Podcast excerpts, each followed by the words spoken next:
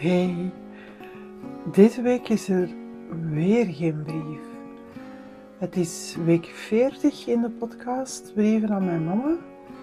En ik ben net eens gaan kijken en uh, er zijn eigenlijk nog maar vijf brieven te gaan en nog tien weken te gaan. Dus was ik van plan om toch eens te gaan kijken in mijn dagboek of dat er voor deze week iets specifiek stond opgeschreven. Maar eigenlijk niet. Dus um, ben ik gaan kijken of er vorige week iets is gebeurd dat uh, misschien wel van toepassing zou kunnen zijn voor deze podcast. En daarvan moet ik zeggen, eigenlijk wel. Want vorige week was ik als gast op de netwerkconferentie Ladies on the Road. Um, ik doe dat niet zo vaak en ook niet zo graag, die hele grote conferenties, omdat ik met mijn um, oren echt een probleem heb in grote groepen, um, in grote zalen, uh, van het moment dat er wat achtergrondlawaai is en wat geroezemoes is, dan valt al het lawaai voor mij gewoon weg. Dus dat is echt geen optie om op dat moment nog met mensen gesprekken te hebben. Maar um, er was iemand die de gast was als spreker en dat is um, Julia Stark van um, uh, um, ja, EWA, uh, European Women Association. Zij is daar uh, CEO van. En zij is vorig jaar haar mama verloren. En ik heb haar toen zo achter de schermen een beetje geholpen. Maar vooral heb ik haar afgelopen jaar af en toe zo wel eens een berichtje gestuurd met de vraag: hey, hoe gaat het? vooral zo op die moeilijke dagen. Eh, feestdagen, dat soort dingen allemaal. En uh, Julia, die sprak over mij tijdens het panelgesprek. Uh, zij sprak over dat je moet omringen met vrouwen die dat jou upliften. Dus vrouwen die echt um, ja, een betekenis hebben voor jou. Um, dat uw, uw circle rondom u uh, dat dat vrouwen mogen zijn en misschien zelfs vrouwen moeten zijn waarbij je terecht kunt, maar die echt iets, iets betekenen voor u, die ervoor zorgen dat je een betere ondernemer wordt.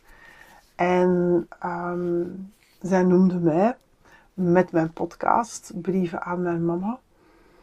En daar ben ik natuurlijk um, heel erg blij mee. Maar wat dat mij het meeste verraste nadien, dat was dat er, uh, ik denk, wel een twintig of dertig dames naar mij toe kwamen. En dat zij zeiden, ik luister ook naar jouw podcast.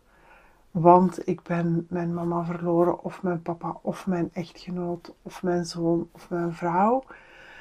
Um, en wat dat jij vertelt, week na week na week, is zo herkenbaar. En heel vaak heb jij woorden gegeven aan iets wat ik op dat moment niet kon uitleggen, maar wat ik wel kon laten horen aan andere mensen, zodat zij zouden begrijpen hoe dat ik mij voel.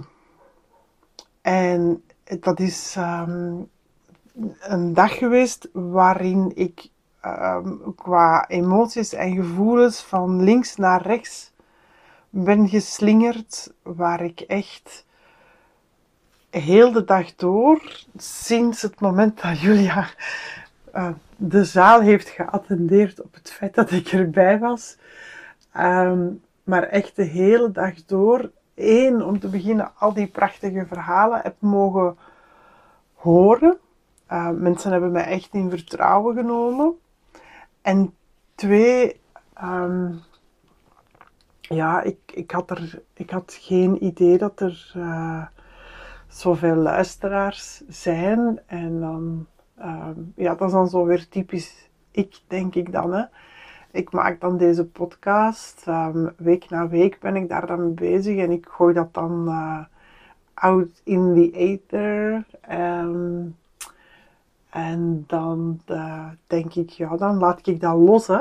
Dus uh, ik ben totaal niet bezig met statistiekjes en analytisch denken en podcaststrategieën enzovoort enzovoort. Maar ja, ik vind het wel heel mooi om dan op zo'n momenten heel onverwacht bevestigd te krijgen dat deze podcast um, toch wel waardevol is voor heel veel mensen. Um, niet in de, eerste in de eerste plaats voor mezelf, maar ook voor heel veel mensen die luisteren. En dat maakt mij um, heel erg nederig en dankbaar. En dat geeft mij wel moed om verder te gaan. Ook al zijn het nog tien weken en maar vijf brieven. Dus uh, voilà. Uh, ik zou zeggen, dikke merci aan al die madammen die um, aan mijn verhaal zijn komen vertellen. Ik ga ervan uit dat jullie naar de podcast zullen luisteren, dus ook naar deze aflevering. En uh, weet dat het veel betekend heeft voor mij dat je even zou komen zeggen dat je luistert. Dankjewel daarvoor en tot volgende week.